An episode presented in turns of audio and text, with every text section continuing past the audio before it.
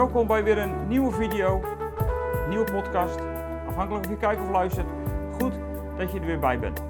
We zijn voor de laatste keer nog bezig met de serie Ruim baan voor de Heilige Geest. Daarmee hebben we zeven afleveringen erover gedaan. En ik denk dat het belangrijkste over dat ruim baan voor de Heilige Geest dan echt wel gezegd hebben. En daarnaast is 7 ook wel een mooi getal voor een serie, vind ik altijd. Dan heb je ook weer een mooi Bijbels getal, toch? Het is een compleet getal, een mooi volheidsgetal. En meestal heb je in zeven keer ook het meeste wel gezegd over één bepaald thema. En ik denk dat het met de Heilige Geest ben je nooit uitgepraat. Over de Heilige Geest ben je nooit uitgepraat. Dus wat dat betreft, we kunnen nog, je kan hem eindeloos veel langer maken. Maar je ziet gewoon dat heel veel dingen als het over de Heilige Geest gaat, toch weer vaak neerkomen op, op een paar speerpunten als het ware. En dat is eigenlijk ook hoe dat Paulus de gaven van de geest beschrijft. Aan de ene kant iets met, met, met, met woorden. En dan hebben we het over profetie, je kunt het over tongentaal hebben die kant. Dan is het de kant van, van kracht, daar zie je de wonderen in zitten.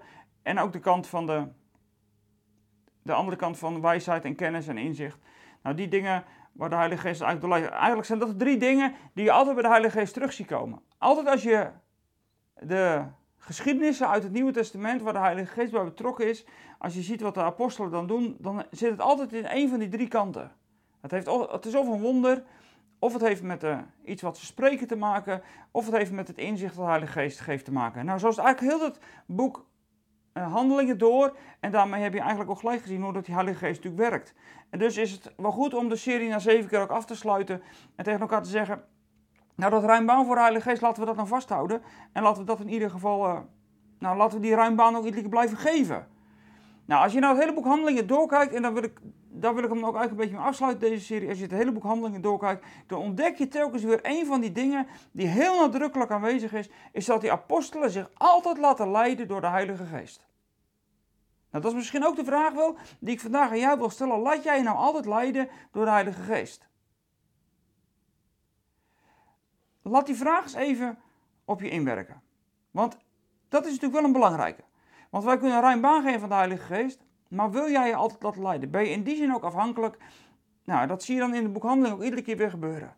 Nou, daar gaan we vandaag nog één keer bij stilstaan. En ik zou zeggen, als dit de eerste is van de serie die je kijkt of luistert, dan zou ik zeggen, kijk eerst even de hele serie terug. Want anders hoor je misschien dingen waarvan je denkt van, nou, ik volg het nu echt niet meer. Nou, als, je de, als het de eerste is, dan zou ik zeggen, pak de hele serie even. Neem de komende zomerperiode dan maar de tijd om, uh, om de hele serie te kijken over ruim baan voor de Heilige Geest. Want dan ontdek je de dingen waar ik nu bijna vanzelfsprekend van uitga dat je ze wel, uh, dat je dat wel kent, dat je dat weet, terwijl dat misschien niet aan de orde is. Nou, dat is dus voor vandaag de laatste keer. Volgende keer gaan we over het gebed beginnen. Bij Tijd met God op de website van Eindeloos Gelukkig. Daar zijn we al begonnen met, met uh, Wij bidden, zo heet het thema, Wij bidden. Uh, daar kom ik de volgende keer wel verder op terug. Maar dan weet je dat dat is de serie die we de hele zomerperiode gaan doen. Zowel schrijvend in de overdenkingen bij Tijd met God, als ook de video's die er de komende tijd aankomen. Dat is allemaal rond het gebed. En dan niet snel zeggen, dat heb je al een keer gedaan Theo. Ja, dat klopt. We hebben een keer iets over de kracht van gebed al gedaan. Maar we gaan een heel andere insteek kiezen. In dit geval, uh, nou, ik verklap niks. Dat is voor de volgende keer. Nu in ieder geval, fijn dat je erbij bent. Mijn naam is Theo de Koning, zoals jullie waarschijnlijk al weten van Eindeloos Gelukkig. En bij Eindeloos Gelukkig hebben we het grote verlangen om elke gelovige tot een discipel van Jezus te mogen vormen. En ja, hoe kan dat anders dan dat je daar de Heilige Geest bij nodig hebt? Goed dat je erbij bent, dat zei ik al een paar keer. Nou, dat meen ik ook echt. Ik vind het fijn dat je kijkt, fijn dat je meedoet. Ik zie ook dat er uh, altijd weer, ik denk zo'n beetje dezelfde groep zijn die, die altijd op de eerste paar dagen de video dan kijken. Ik besef ook al in de zomervakantie kan dat wel eens lastig zijn als je vakantie bent. Maar ja, aan de andere kant, het is allemaal digitaal beschikbaar. Dus ik zou zeggen, sla in de zomervakantie niet over. Laat je ook gewoon lekker voeden. En laat de Heilige Geest ook de richting van jouw leven bepalen. Want dat is het misschien ook wel. Weet je, de Heilige Geest, dat kan heel erg ja, groot zijn. Het kan, het kan te maken hebben met hele grote wonderen. Het kan met hele grote aantallen bekeerlingen te maken hebben. Maar het heeft ook echt alles te maken met met of hij de leiding in jouw leven kan krijgen. Of hij jou de kant op mag sturen waar hij jou wil. En dat is iets wat je in het boek Handelingen heel vaak terugziet. En ik zat er zo eens doorheen te bladeren, want dan zit je te bedenken welke thema's ga je dan aansnijden als je zo'n serie doet. En dat, weet je, het valt zo op dat naast alle wonderen die gebeuren, er zo vaak iets geschreven staat over dat de apostelen eigenlijk een bericht ontvangen van de Heilige Geest hoe het verder moet. Nou, ik lees je er eentje. Ik heb andere ook al eens een keer eerder gebruikt. Je kan natuurlijk Petrus gebruiken op dat dak, vlak voordat hij naar Cornelius moet. Dat, dat hij, uh, ik heb het geloof ik een keer gezegd, over luisterend bidden. Van hoe weet je nou dat het Gods stem is? En dat, er dan, dat hij dan tot hem gesproken wordt door de Heilige Geest. En dat Heilige Geest zegt, zegt al drie mannen hem zoeken. Toen zei ik ook van, nou ja, weet je, hoe, hoe kom je er nou achter of het van God is? Dan ga je de trap naar beneden, dan ga je kijken of die drie mannen er zijn. Maar dat kom je in het hele boek Handelingen heel veel tegen. Nou, ik zal nu een andere geschiedenis even met je pakken, heel kort stukje maar. Dat is echt niet zo heel veel. En dat is het moment, en daar hebben we het ook al eens eerder over gehad, het moment daarvoor, dat eigenlijk Paulus op zoek is hoe nu verder met zijn zendingsreis. En misschien is dat ook wel iets wat jij ook wel gewoon herkent in jouw leven. Hoe nu verder met mijn leven? Moet ik die kant nu op of die kant nu op? Vroeger dacht ik altijd dat alleen dominees daar maar mee te maken hadden. Zo was ik opgevoed. Een dominee had een roeping. En, verder niet. Alleen een dominee. En later dacht ik, ja, maar eigenlijk is toch elk werk een roeping? Als ik niet werk op de plek waar God mij wil hebben, dan loop ik toch niet, wandel ik niet in mijn bestemming. En ik heb uh, gewoon met twee benen in de bagger gestaan ik weet echt wat het is om ook van baan te switchen. Ik weet ook wat het is om op een plek te zitten waar ik niet zo op mijn plek ben geweest. En dat ik me echt ook wel afgevraagd heb, heb ik eigenlijk wel echt God om raad gevraagd? Nou, weet je, ik wil dat nog even gewoon benadrukken bij je vandaag. Dat je dat ook meeneemt. Als, als je nou op een kruispunt van je leven staat, en weet je, dan kom je altijd. Misschien nu niet, misschien over een jaar of over drie jaar, dat maakt niet uit. Maar als je op een kruispunt van je leven staat, mag dan de Heilige Geest jou sturen? En dat zie je bij Paulus terug. Paulus die staat op een punt in zijn zendingsreis dat hij niet weet waar hij precies heen moet. En dan krijgt hij een aantal keer nee te horen van God. Dan wil hij overvaren, dan wil hij dit en dan wil hij dat. En eigenlijk weet hij het gewoon niet. Nou, dat woord nee, dat is natuurlijk helemaal niet dat God zegt je doet het fout. Maar God zegt gewoon nee. Mag God nee zeggen? Ja, natuurlijk mag God nee zeggen. Dat is maar goed ook dat hij dat heeft gedaan. Dat is een paar keer gebeurd. En dan, dan komt er een doorbraak. En dat is dat verhaal natuurlijk, je kent het wel. Daar staat er aan de overkant die man in Macedonië die zegt: Kom over en help. Maar die man was geen echte man. Die kreeg Paulus in een visioen naar zich toe. Nou, en wat doen ze tot die tijd? Tot die tijd gaan ze gewoon door. Ze trekken door, ze varen alleen niet over. Het is een paar keer nee geweest en dan staat er in Handelingen 16, vers 8. Daarom trokken ze door Mysië tot ze de kustplaats van Troas bereikten. Daar kreeg Paulus s'nachts een visioen waarin een man uit Macedonië hem toeriep: Steek over naar Macedonië en kom ons te hulp. En toen Paulus dit visioen had gezien, wilden we meteen naar Macedonië vertrekken, omdat we eruit opmaakten dat God ons geroepen had om aan de mensen daar het evangelie te verkondigen. Het is duidelijk waar Paulus mee bezig is. Paulus wil met degene die bij hem zijn het evangelie verkondigen, maar alleen maar op de plek waar God wil dat ze zijn.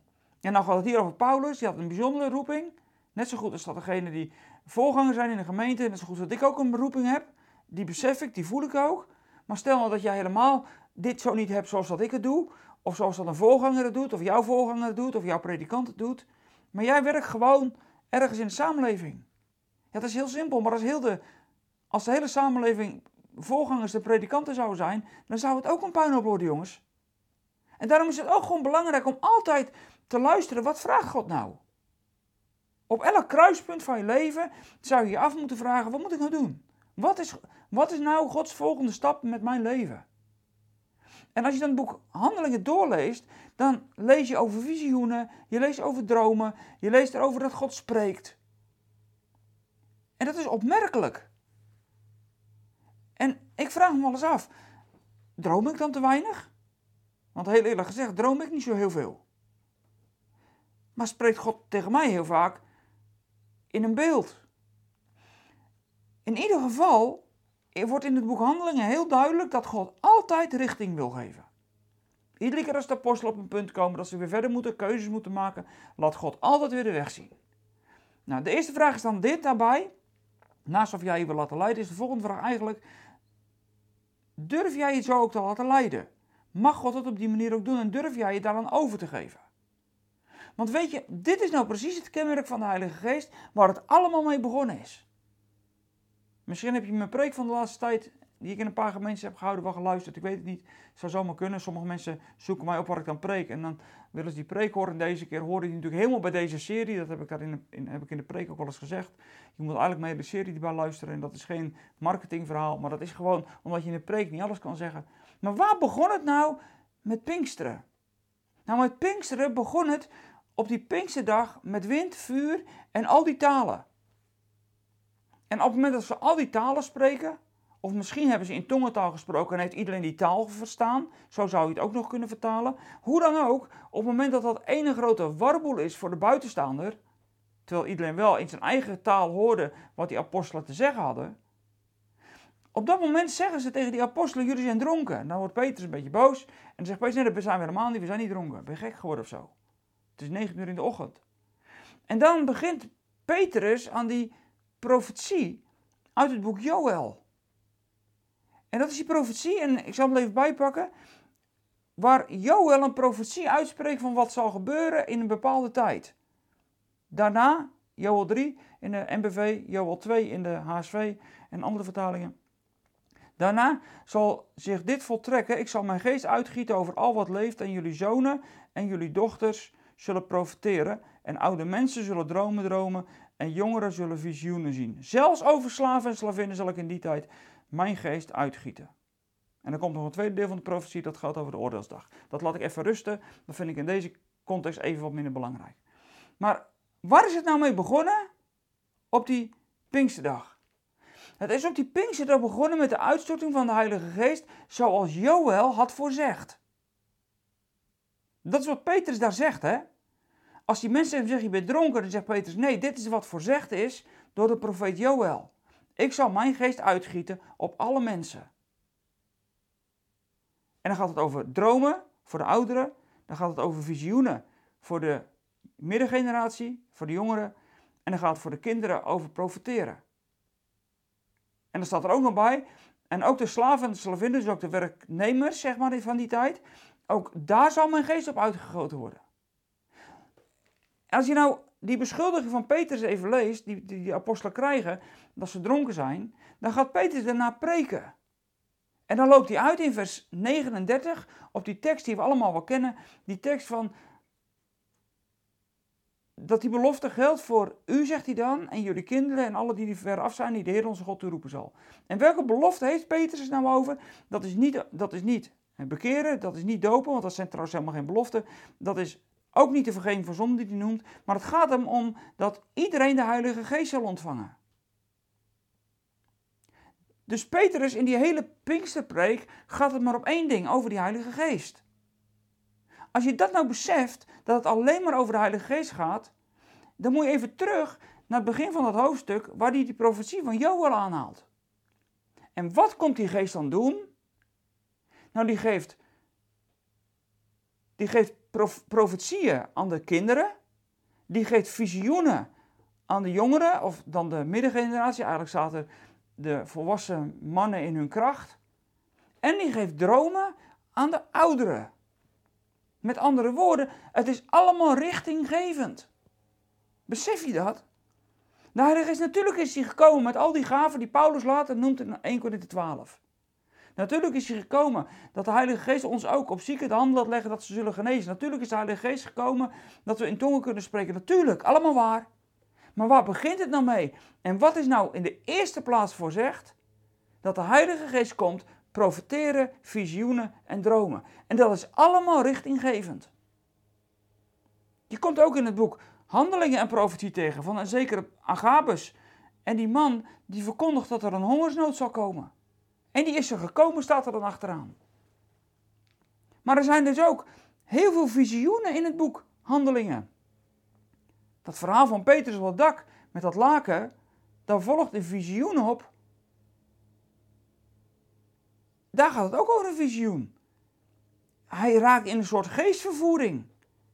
Een visioen, eerst al van het laken en dan die stem.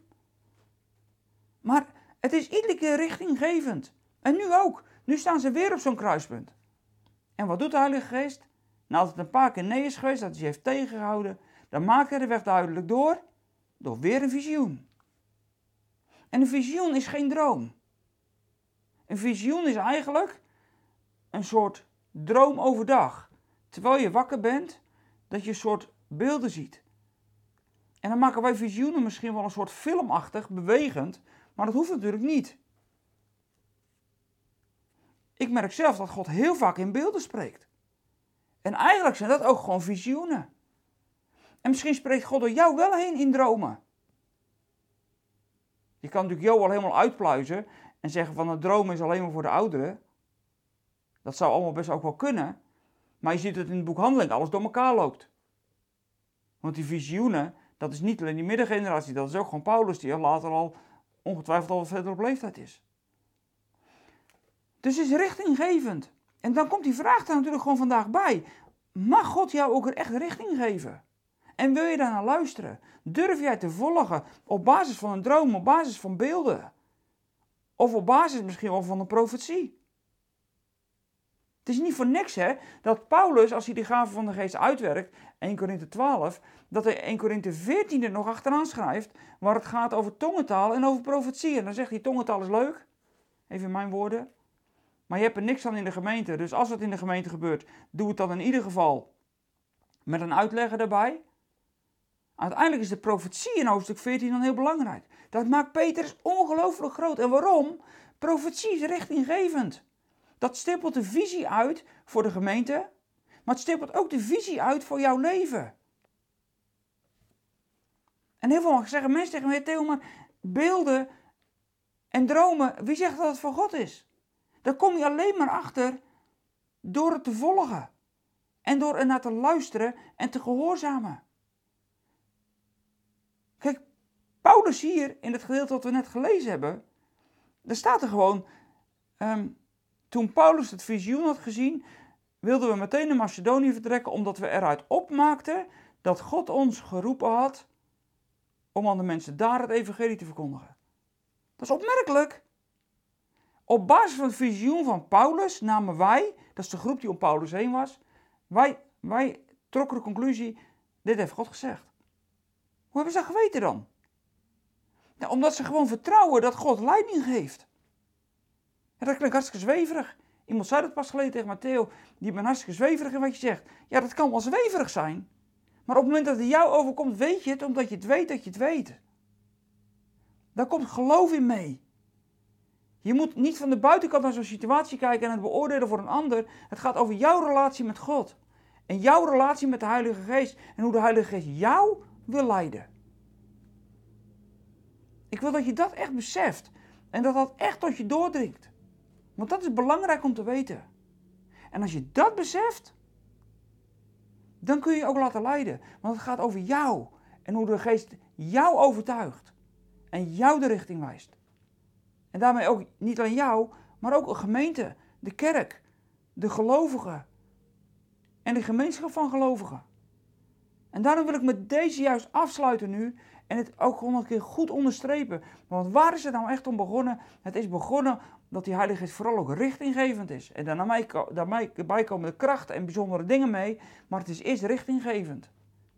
Want de kerk onderweg, de kerk als missionaire plek waar het evangelie door verkondigd wordt op alle plaatsen, die is altijd onderweg en komt altijd op kruispunten aan. En omdat de kerk altijd op kruispunten aankomt, zijn er iedere keer momenten nodig dat Gods geest links, rechts, voor het of achteruit zegt. En als de apostelen twijfelen en niet precies weten hoe het zit, weet je wat ze dan doen? Dan zoeken ze elkaar uiteindelijk in Jeruzalem een keer op. Dan komt een discussie over de besnijdenis. En dan weten ze niet precies meer, dan lijkt de Heilige Geest dat we niet zo heel veel te zeggen. En dan komen wel heel veel tot geloof van die heidenen. En wat moeten we dan? En wat moeten Dan wordt het lastig. En dan gaan ze met elkaar in beraad in Jeruzalem. En nemen met elkaar een besluit onder leiding van de Heilige Geest. Dus die richting is niet altijd duidelijk. Maar toets hem ook gewoon bij degene om je heen. Dat hebben ze daar ook gedaan. En ook hier in de situatie die we net gelezen hebben, daaruit maakten wij op, en daar is over doorgedacht en over doorgepraat, daardoor maakten wij op dat God wilde dat we daarheen zouden gaan. Ik weet niet op welk kruispunt van jouw leven jij nu staat. Dat is ook niet zo heel belangrijk, je hoeft dat ook niet te weten. God weet het wel. Maar het kruispunt waar jij op staat, of het kruispunt wat er straks bij jou aankomt, dat kruispunt, Daar is iedere keer de vraag: laat ik me leiden of niet? En soms is het glashelder. En maakt God je zo duidelijk, dat is het. En op andere momenten is het helemaal niet zo duidelijk. En moet je er met elkaar uit opmaken dat God iets zegt. En dat is een oefenschool. En daar kom je alleen maar achter door het steeds vaker te doen. En begin dan gewoon ook met kleine kruispunten te vragen wat God wil. Ik had pas iemand die zegt tegen me, ja, dan ineens heb ik het idee dat ik voor iemand moet bidden. En tegenwoordig doe ik dat maar. En pas hoorde ik zelfs van iemand die dan voor iemand had gebeden. Geen idee wie dat was. Het was alleen maar een naam. En later komt die persoon die naam tegen. Wat nou als je niet zou luisteren om naar die, voor die naam te bidden? En God bevestigt het dan daarna ook alweer. Nou, durf zo onderweg te zijn. Weet je, want ruim baan geven is één, maar vervolgens dan ook nog volgen is twee. En dat daag ik je in uit voor de komende tijd. En ga het maar gewoon doen. Maak het je niet te moeilijk. Doe het gewoon. En geniet ook gewoon van de paden waar de Heilige Geest al langs leidt. Ik denk dat ik genoeg gezegd heb over die ruime baan voor de Heilige Geest. Ik hoop dat je er genoeg aan hebt voor de komende tijd en dat de Heilige Geest echt de ruimte krijgt in je leven. Goed dat je mee hebt gekeken en mee hebt gedaan. Denk niet snel te zweverig, want dan kijk je van buiten naar mijn situatie en de voorbeelden die ik noem, maar ontdek het van binnenuit zelf. Dan, dan kom je erachter, dan is het niet zweverig.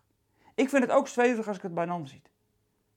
Dan denk ik van ja, wat kan ik hier nou mee? Ja, dat komt omdat ik het niet ervaren en ik heb het, niet, ik heb het geloof in die situatie toen niet gehad. Dat moet je niet doen. Gebruik die voorbeelden als een bevestiging dat God wil spreken, maar begin er ook zelf in te wandelen. Nou, dat wens ik je toe. En dan kom je altijd weer op de goede plek terecht. En dan heb je ook altijd een houvast als het even niet lekker loopt, dat je toch tegen God kan zeggen, maar Heer, u was het toch die mij hierheen heeft gestuurd?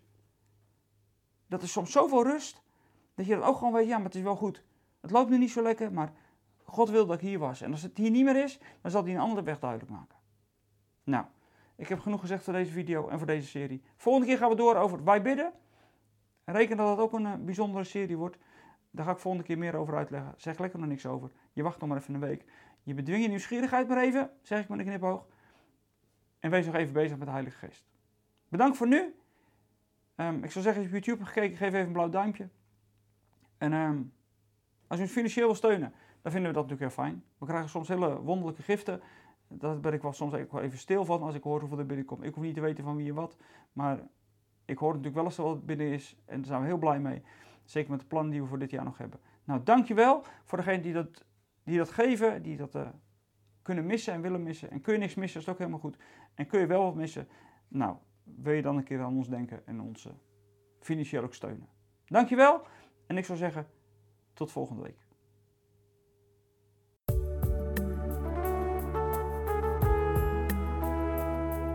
We zijn er weer aan het einde van deze podcast. Spreken deze podcast je aan en wil je ons met de gift ondersteunen? Kijk dan voor meer informatie op www.eindeloosgelukkig.nl/podcast.